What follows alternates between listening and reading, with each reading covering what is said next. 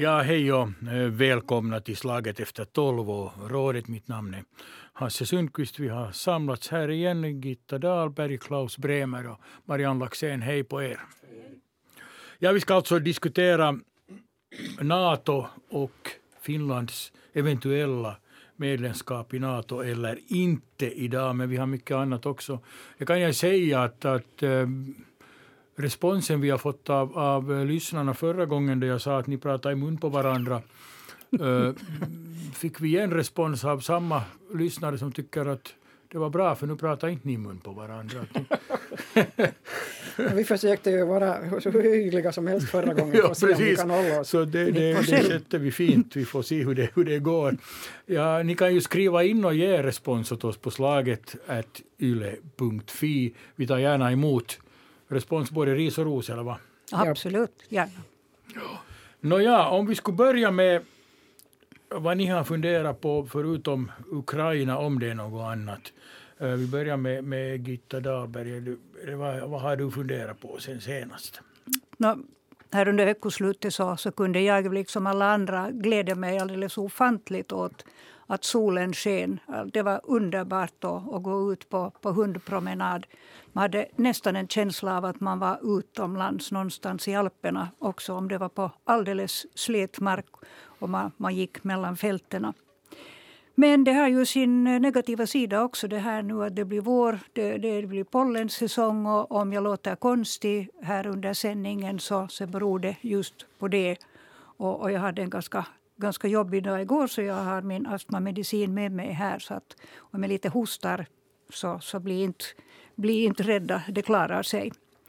Men eh, sen har jag också tänkt på det här med, med eh, vi vaknar till våren med strejkvarsel. Och vi har, har ju då både sjukskötarna och, och lärarna som, som varslar om strejk.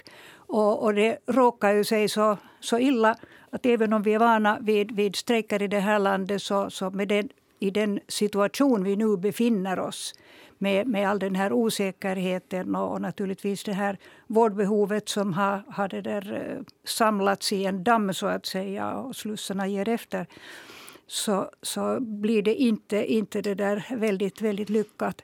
Och sen har vi då de här pappersarbetarnas strejk som har hållit på och hållit på och hållit på och hållit på. Och nu håller ju då också tidningspappret på att, att äh, bli en, en bristvara.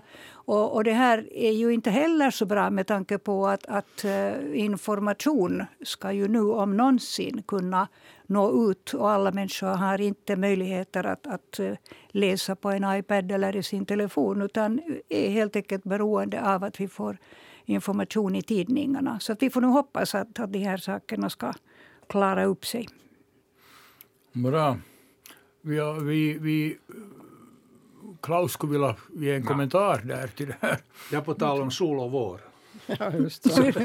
så, så måste jag komma fram med det att det har aldrig sandat så mycket som nu på Helsingfors gator. Mm. Och för 10-20 år sedan så var det ju rena katastrofen. Man talade om det här sanddammet som man just får astma av och allt möjligt annat. Och, och det där. Och, eh, någon gång slutet på 90-talet började man faktiskt att sopa under den där sanden före eh, midsommar. Men att det där, hur ska det bli nu i år? De sa ju i nyheterna att det var ju förskräckligt mycket gatudamm i, i luften. I ja, jag, jag hoppas verkligen att, att de tar bort det. Och sen en annan sak på tal om, om, om det där strejkar så nu är det ju 17 att det ska komma ryska godsvagnar till, till Koverhar med Z skrivet på och de här hamnjobbarna som nog går i strejk för alla, allra minsta anledning så varför kan de inte då vägra att lossa sådana här eh, järnvägsvagnar och bara säga att fara tillbaks till Ryssland. Det, det, det var mina tankar. Ja, det, det, det är en mycket god point.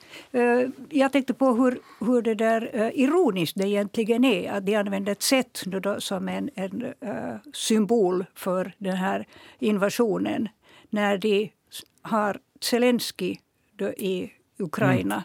vars namn skrivs med ett Z. De vill vara Zorro. Antagligen. Det, vi, håller för, vi håller på att Zelensky vill det, vad? så, Marianne, vad har, vad har du funderat på?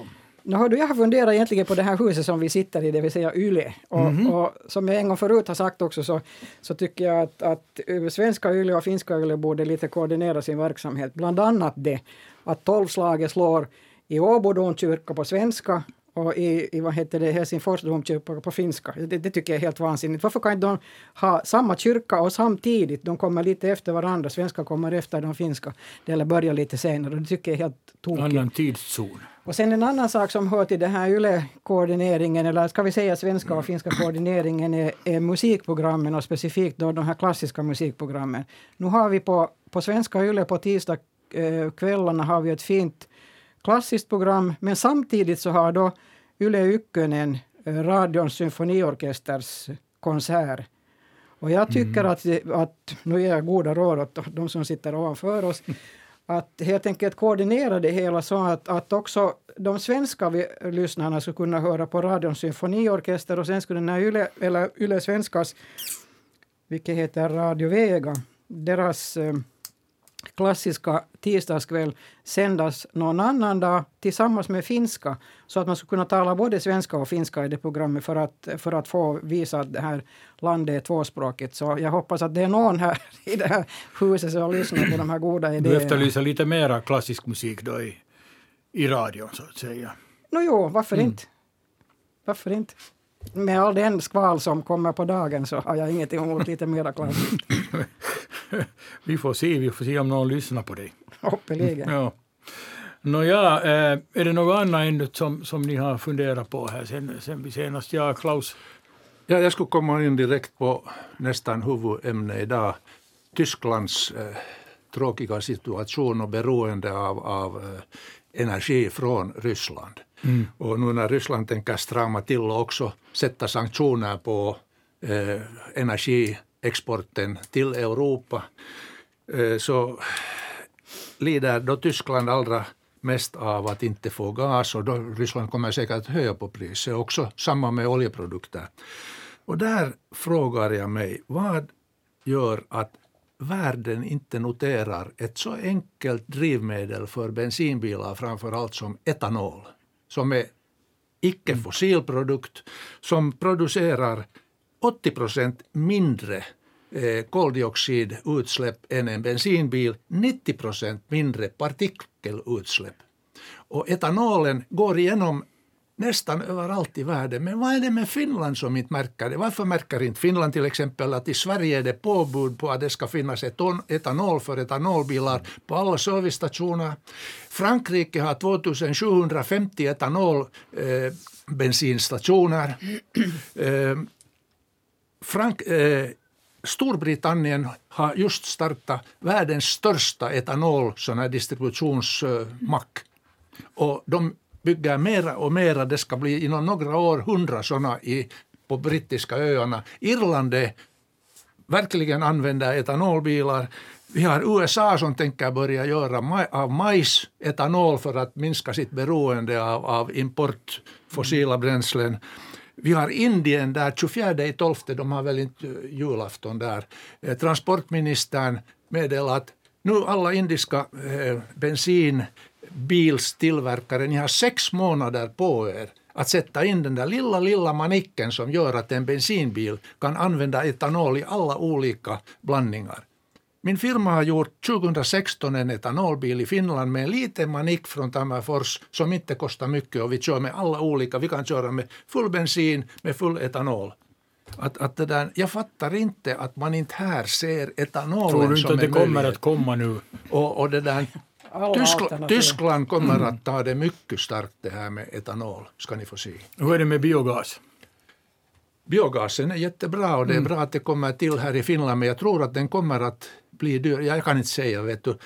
Vi har ju, man frågar också med etanolen att var ska vi producera liksom mm. råämnen men vi har åkrar i, i paket hur mycket som helst i Finland som ger möjlighet att, att det där, eh, ta fram den här gröna eh, allt det gröna som man gör mm. etanol av. Bara jordbrukarna ja. får överhuvudtaget odla på den. Det är ju ja. mycket som är i paket just därför att det, det är inte för att de inte själva vill åka ut på åkern och odla utan, utan det är ju EU och andra, andra Men som bestämmelser Sagt, som... Jag menar som sagt så är det ju så att vi får fundera lite om. Jag har bara för mig det som nu när du säger det Klaus att uh, uh, Lia Andersson i något skede när det var diskussion om om att övergå till elbilar. Så hon tog just fram det här med det här etanol men det, är liksom, det får bara upp i Ja, luften det, och det ingen reagerar. att Så man att, inte i eh, Vad, vad kan det bero på då, att inte vi... Vet du, jag om kan inte inte man, om inte man känner, känner det där. Jag måste ju säga att inte känner jag heller till all, all, all, alla möjligheter och jag är, Nej, inte jag heller. försöker, försöker hänga med jag kan säga att diskussionen. ST1-ans, ST1-ans Antonen, han där har ju fört fram, han har väl sju etanolfabriker i Finland. Han var den första med sina ST1 och Shell-stationer att, att sätta in etanolmackar. och, och det där, och, eh, men han säger också att hans sju fabriker i Finland så 99 procent ungefär av produktionen går till läkemedelsindustrin och, och, och, laboratorier och, och sånt här. Men han håller på med thailändska staten och bygga upp 21 etanolfabriker i Thailand och också motsvarande i Marocko. Att där har vi ju en som kunde starta och göra mycket. ABC-stationerna har också mycket, så det finns i Finland en 150 etanolmackar nog.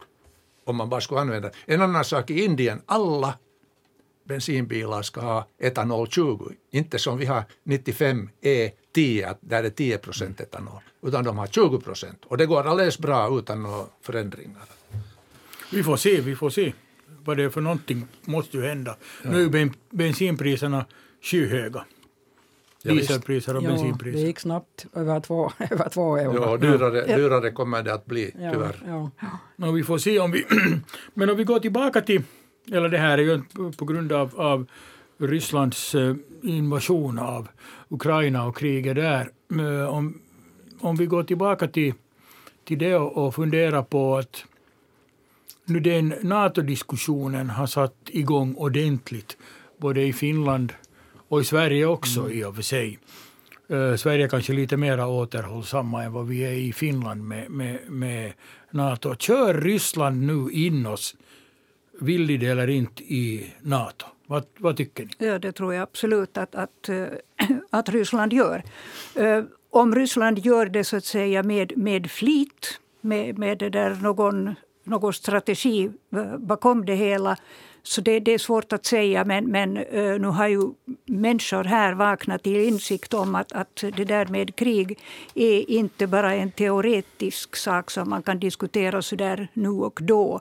Utan nu är det en realitet och den kommer väldigt, väldigt nära in på oss för, för första gången på, på eh, något över 70 år. Det kan vi ju förstås vara glada för att vi inte har haft någonting här emellan utan, utan de europeiska länderna har kunnat bygga, bygga upp eh, sin, sin välfärd och, och, och, och, sin demokrati också. Den, den har blivit allt, allt mer spridd. Men, men det där, eh, nu, är det, nu börjar det nu vara en, en realitet också det där att vi, vi klarar inte oss ensamma mot Ryssland. Och, och vi ser ju att, att eh, Ryssland, eh, det vill säga, vi, vi kan säga Putin och Putin, men, men, men det är de ryska soldaterna i alla fall som, som eh, är på väg till, till Ukraina och be, befinner sig där. Nu ser man ju att, att det behövs inte så att att någon hotar Ryssland de facto. Utan det, Ryssland målar själv upp det här hotet och, och sen börjar man då slåss mot det här självbygget, så att säga. Så att eh, nu, nu är det ganska, ganska klart att vi, vi måste vara tillsammans med andra. Och det finns ju ingen annan att vara tillsammans med än just Nato. Vad, vad tycker mm, Marianne Laxén, vår fredskämpe? Jag måste nog säga att jag är, jag är, jag är, jag är mer eller mindre skakad av den diskussion som nu har liksom tagit fart i Finland för att nu är vi hysteriska. Och jag förstår, jag, nu förstår jag ju till en del att folk är rädda och själv är jag nu inte heller så hemskt orädd här eftersom jag ser att, eh, att Putin och hans administration nog är, är, är liksom farlig för, för världsfreden, om vi nu säger det på det sättet. Och, och, och, och där är det väl enkelt för många människor att ta att liksom fundera på det här att okej, att Nato kan vara på något sätt en, ett, ett skydd mot, uh, mot Ryssland. Men men mm, nu har jag den uppfattningen att uh, så som, så som jag förstår också att vad, vad, vad ett resultat av eh, uh, Niinistös besök och diskussion med, med president Biden var det att, att nu ska vi ha is i hatten. Vi ska diskutera det här ordentligt och vi ska ta ett beslut som råder någorlunda stor konsensus i Finland. Det vill säga nu när det gäller konsensus så gäller det väl närmast då riksdagspartierna.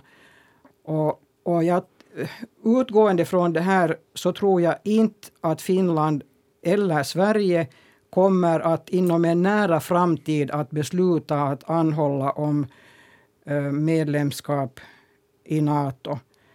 Och själv är jag nog en ganska stor NATO-motståndare just därför att, att eh, Nato har möjlighet att använda sig av kärnvapen och var och en av oss vet att om vi börjar ett krig mellan Ryssland och Nato så då har vi kärnvapen med oss och då är det nog natt för den här jorden. Och jag måste mm. säga att det, det liksom i, i, den situationen vill jag inte, vill jag inte uh, göra sådana beslut för Finlands eller för Sveriges del som kan innebära det här. Hur ser du Klaus på, på ja, för det första så håller jag med Gitta när hon säger att vi klarar oss inte ensamma. Vi har eh, 1340 kilometer landsgräns och sen har vi kust, södra kust, kusten 500 kilometer plus Åland att försvara. Vad har vi? 2,5 miljoner människor vara, som är liksom eh, försvarsdugliga, dugliga för någon, någon slags försvarsarbete. Men största delen av dem är ju i annat. Det är, inte, det är en liten bråkdel som håller i pistoler och knallverk och sånt här. Att vi har ingen, vi har, vi har inte skuggan av en chans att, att klara oss ensamma. Det finns inga möjligheter. Och där vill jag säga också, lite håller jag med, med, med Marianne också, att, att det där, jag anser att nu när Putin har händerna fulla Verkligen. Och han kommer att göra sig luspank. Det, det, det där kriget är ju så klantigt lätt på alla sätt. Vilket han har märkt redan när han sätter två gossar i hemarrest från säkerhetssidan. Att, att det där, och ber Ryssland om ekonomisk hjälp för att klara Kina menar du? Kina, förlåt. Mm. Ber Kina, ja. Så att det där, nu är rätta tillfälle att gå in i NATO. Ja, jag var precis det, av annan åsikt. Ja, det, det är precis den, det, det är nu som vi ska göra det, för han har händerna fulla. Där, därmed vill jag samtidigt säga att det inte är en alltidsgaranti överhuvudtaget NATO. Vi har Trump, Trump-sidan av människor i USA och man vet aldrig när det kan börja brista med NATO. Eh, det kommer att bli otroligt dyrt när vi, om vi går in i NATO nu, men det är någonting som vi måste betala och samtidigt satsa på Norden. Det är nog det här nordiska blocket som vi ska ty oss till för att kunna försvara gränserna här mot Norden. Att, eh, fast nu sen det där övriga Europa rustar upp och har sig, men det är nog här Sverige, Norge och vi ska klara av den här gränsen. Vad tycker du Gitta? Jag säger som, som Klaus också att, att det är det nordiska blocket så därför är det väldigt viktigt att eh, det inte bara skulle vara Finland som går med i Nato utan, utan också Sverige. Och Sverige har ju kunnat ty sig till liksom, de, de kunde sitta däremellan och säga att, att, att okay, vi, vi, vi klarar oss här. Vi har en, vi, vi, har skydd av, av, Finland på ena sidan och vi har skydd av, Nor av Norge på, på andra sidan. Att det är inte oss Ryssland skulle anfalla allra först. Men det vet man inte. Det är inte lång, lång väg från Kaliningrad till, till uh, Gotland som ju har varit då mm. ett militärfäste tidigare och som de nu väl håller på, på befästa på nytt så, så, så snabbt de överhuvudtaget hinner. Så att nu, nu finns det ju en väg in i, in i Sverige också, sådär rakt. Eh, men sen då beträffande här eh, Marians att, eh, tal om, om, om kärnvapen. Så oberoende av om, om Sverige och Finland går in i Nato eller inte så, så finns de där kärnvapnen. Och det är inte på grund av oss som de i så fall skulle, skulle användas utan det, det har nog med, med då det, det allmänna, allmänna läget och, och, och, vad som händer. Och, och mycket mera rädd är jag ju naturligtvis för att att det är Ryssland som, som kommer att använda sig av kärnvapen i, i första hand. Man ser ju redan hur, hur det där eh, hotet kommer via de här anfallen mot, mot kärnkraften i kärnkraftsanläggningar i, i Ukraina. Att det är ju redan det, om man får, eh, får ett väldigt stort utsläpp från något av de där, så är det ju väldigt hotfullt mot hela vår existens här i, i Europa. Ja, det såg vi ju efter Tjernobyl. Får jag bara säga det där ja.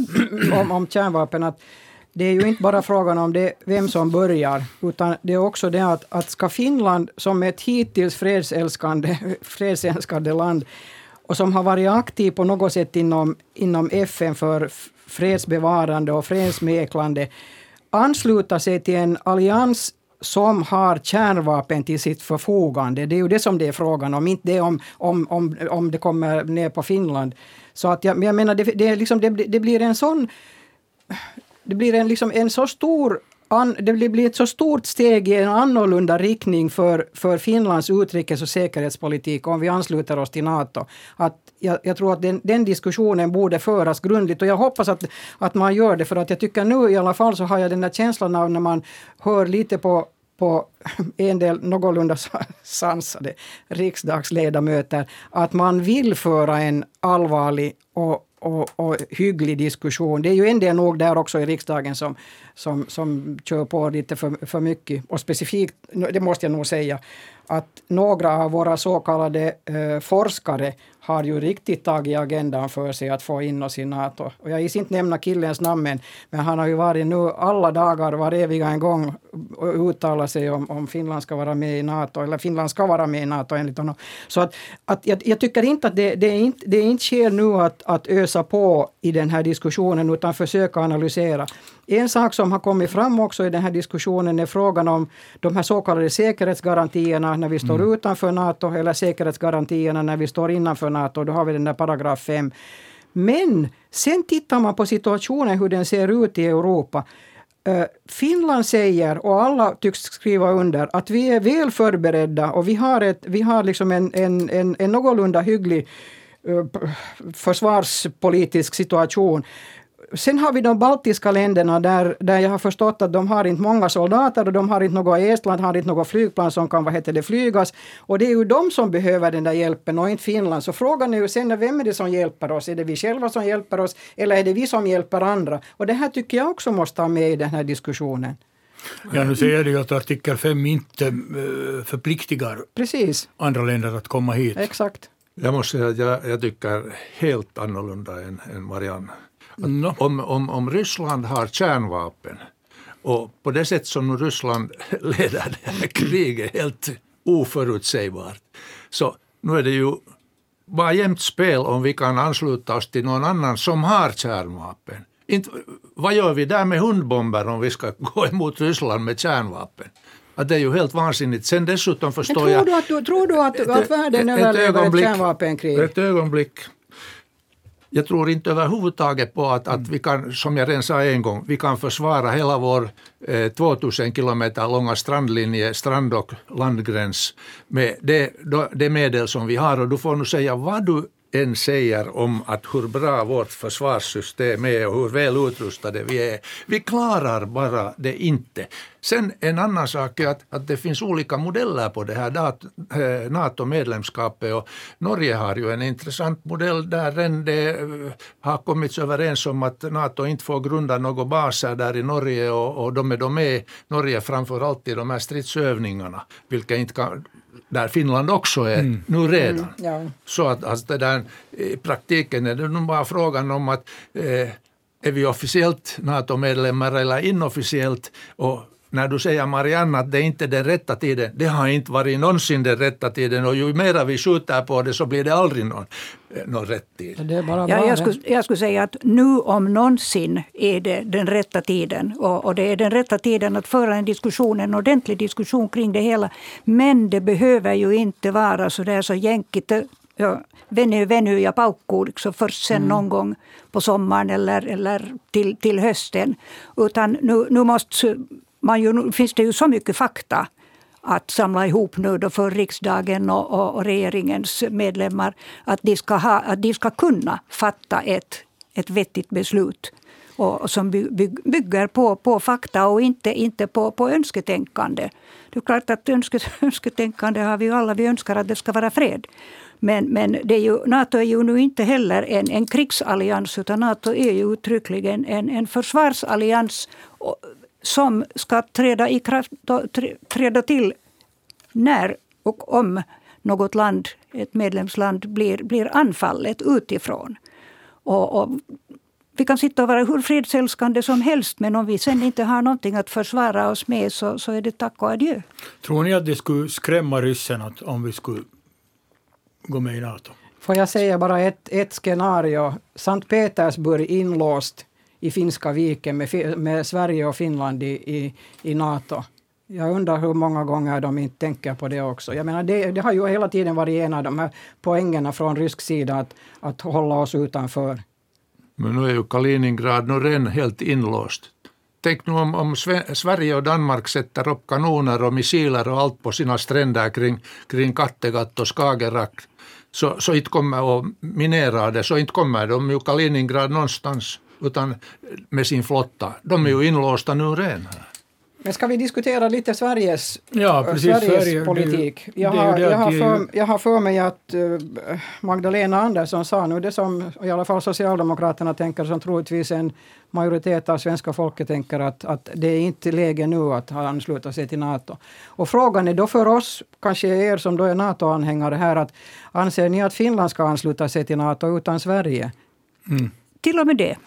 Okay, till, ja, till och med det, det tycker det jag. Men jag är, ju, jag är ju inte någon stor expert med, med det där. Eh, men eh, det är ju vi som ligger närmast Ryssland i, i alla fall. Och ja, vi, har, vi har då de, de, baltiska länderna som hör till Nato. Och, och, och de har hittills eh, klarat sig rätt så bra utan, utan hot från, från rysk sida. Men eh, kommer det ett hot från, från rysk sida till dem så är det ju naturligtvis till, till nytta för dem och det är till nytta för oss om vi har NATO-länder på, på södra sidan om, om Finska viken. Nu tror jag också att det är tungan på vågen som får vägen, vågen att falla över. Ja, om Finland gör det där beslutet så tror jag nog att Sverige tänker om en gång till. I Sverige har de ju sagt också statsministern där att prata lite som eh, eh, Marianne Laxén här att, att det destabiliserar läget om man äh, ansluter sig till, till Nato, det vill säga rör om i, i grytan. Ja, jag undrar om inte president Biden är av samma åsikt också. Ja, men hur, tolkar, hur tolkar ni uh, Niinistös besök hos, hos Biden? Var inte, jag tyckte att det var nästan klara besked att nu är is i hatten och nu väntar vi. Nu får vi en diskussion som kommer att resultera i att vi i det här skedet inte kommer att ansluta oss till Nato. Eller inte ansöka om, om medlemskap i Nato. Det, det är den tolkningen som jag har gjort. No, jag tycker nog att Niinistö var nästan lite som Pythia. Det är svårt att, att uh, riktigt få klarhet i vad, vad som egentligen nu har, har i, i, i vilka tongångar man har pratat. Ja, okej, okay. men sen eh, dagen efter så sa Magdalena Andersson det här som fick den här stackars forskaren att gå upp i taket. Uh, och, och då tolkar jag liksom det att hon sa att det är inte tid för, att gå, för Sverige att gå in i Nato, tolkar jag det på det sättet att hon har lyssnat på vad både Niinistö och Biden har diskuterat med henne. De ringde ju upp ja. henne där under. Precis. Och för det första så har vi inte en chans att veta faktiskt vad Biden och, och Niinistö har talat om. Vi vet bara man... det som Niinistö kommer ut med efteråt och det kan vara hans mogna övervägande, hans åsikt. Det behöver inte alls vara Bidens åsikt. Nej, han, han, har ju dessutom upprepade mm. gånger uh, sagt att, att det är, är, bättre att han inte i det här skedet går ut och, och uttalar sig i, för den ena eller den andra riktningen jo, utan, utan ska ge, ge då utrymme för riksdag och, och, och regering att, att först då få hela den här faktabaserade redogörelsen och, och, och sen är de väl då mogna att, att berätta vad de då verkligen anser. Men att eh, det där eh, eh, den här Anderssonska uttalande som, som då kom plötsligt och, och väldigt förvånande för, för många av dem som har, har då, sysslat med de här frågorna i, i Finland. Så hon, hon fick ju väldigt mycket mothåll också i Sverige. Alltså från, från, Från eh, oppositionen naturligtvis, för nej, de är nej, nej, nej, NATO-anhängare. alltså inte från politiskt håll utan från uh, försvarsmaktssidan. Så, så det där, eh, och, och de sitter ju nog naturligtvis inne med större kunskap om försvar och, och, och krigshot De är ju än, än Magdalena vapenlösa i Andersson. Sverige i praktiken. De har Nå- ju kört ner sin Ja. försvarsmakt så länge. Nu kör ju alla upp sin försvarsmakt igen. Ja. och- Ja, men men det- det tar nog år för Sverige att komma upp, Upp till därifrån. 2 procent. Jag undrar vad de ska Ja. göra med de där de? pengarna där. Ja. Ja. Jag menar, om, om, om det nu är någon som förtjänar på det här Putins krig i Ukraina så det, det är vapenindustrin. Så är det ju menar, alltid med Så är krig. det alltid, ja. Men nu är det ju, och då, då måste man ju fråga sig nog att, att är det den här vägen som mänskligheten ska gå vidare hela tiden? Upprustning, upprustning, upprustning, krig, upprustning, krig, upprustning, krig. Jag tycker det har Det varit kan- så ända från stenåldern. No, jo, Ja, och därför så vill vi ha sten bra- och nu gör de något värre. Nu ska vi, nu ska vi sluta med det. Vi ska börja med civilt, civilt vad heter det, försvar och ta, lägga ner vapnen. No, Det- det är en ungefär det de diskussion. gör i, i, i Sverige och, och nu inser de att, att det, det är väldigt bra med att, att ha liksom goda avsikter och, och, och, vara goda människor. Men världen är full i alla fall av onda människor och när de allra ondaste människorna kommer på, på de högsta eh, maktpositionerna så då går det illa. Ja, det är nog, Marianne, den enda som verkligen förtjänar på det här är Kina. Den enda som förtjänar på hela den här Ukraina-situationen är Kina. De köper snart upp Ryssland så som de har köpt upp eh, Afrika tidigare och som de håller på i smyg och köpa upp bland annat europeiska hamnstäder och, och allt möjligt annat. Så då kommer världskartan att se ut som när det gamla ottomanska riket så de, brände de kan ut bara sig flina när. Ryssland sätter sina exportsanktioner mot väst. Så hamnar Ryssland och försöker sälja det och Kina tar Ja. ju emot för ytterligare billigare pris än någonsin tidigare.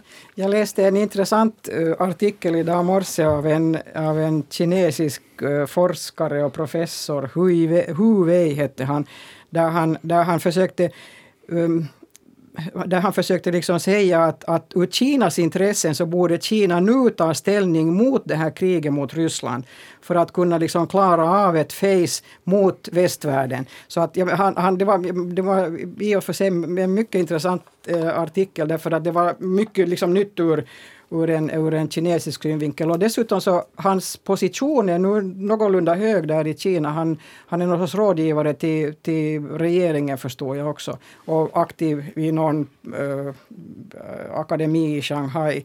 Men, men det är första gången som jag, har- inte för att jag nu har följt med Kina så hemskt mycket, men första gången som jag har sett någon som har haft åsikter i frågan om att, att Kina egentligen borde ta ett steg mot mot, för att samarbeta liksom med demokratierna i västvärlden för att kunna klara själv sin egen utveckling. Ja, alla väntar ju nu på att Kina ska ta, ta vilket steg Kina ska ta. Ja, så att säga. ja. De förhandlar väl med, med USA nu och, och, och USA har hotat att hjälpa inte Ryssland för att då Jag tror inte Kina kommer att, att det där, Kina har ju hela tiden kört för en annorlunda politik, en, en, en mjukare politik där deras kärnintresse är att köpa upp, att köpa upp. Och de har ju sådana enorma ekonomiska projekt på gång i Ryssland att jag menar Putin börjar vara bunden till händer och fötter med Kina. Och Kina ska kör sitt bra. eget lopp, helt, helt Ja, utanför kyllä. allt annat tänkande. Vi, vi får Kina se. kör sitt eget lopp. Ja. Det är klart, det, det gör ju alla andra länder också. Jo, men det, det, alla andra länder jag har tror inte inte samma att- stora makt som Kina jag har tror- idag. Alltså jag den tror- människomakten Jag där tror är inte ju att Kina kommer att hålla på krig, eller något krigiskt. Jag tror att de klarar den här Jag hopp- situationen ja, utan nu att... hoppas jag som du tror, det är bra. Ja, ja, no, låt mig säga att jag vet. Okej, okay, yes, då skriver jag under Då, skri, då, då, då säger vi, vi, vi ska uh, börja avsluta det här, det här samtalet. Vi skulle kunna rösta om ett NATO-medlemskap och har vi röstat vi här i rådet för och emot. Ja, jag har två röster så det blir två två. Jag vet inte varför du skulle ha två röster. Ja, men det där- bara jag tar- I, jag så fall har vi Ja, ja. också, och jag är för så vi Jag väger två 100 till. kilo och jag är 1,94 lång så jag har tre röster. Eller fyra. Alltså rådet röstar för ett NATO-medlemskap med Nej en tack, stark... jag har Jo, skrivit, jag, jag, precis. jag, Ja. det är Nu ger inlämnat Så snart som har ingen möjligt. åsikt. Vi har ingen Nej, åsikt om det här och vi ska inte ha någon åsikt. Det blir kanske inte någon folkomröstning om det heller. Utan Det blir det inte. vi, vi får se. Vi får ju hoppas att det har lugnat ner sig tills nästa gång vi träffas om, om två veckor. Ja, gudgiven. Ja. Jag tackar er för det här samtalet, Gitta Dahlberg, Klaus Bremer och Marianne Laxén. Mitt namn är Hasse Sundqvist. Rådet återkommer igen om två veckor. Jepp. Hej!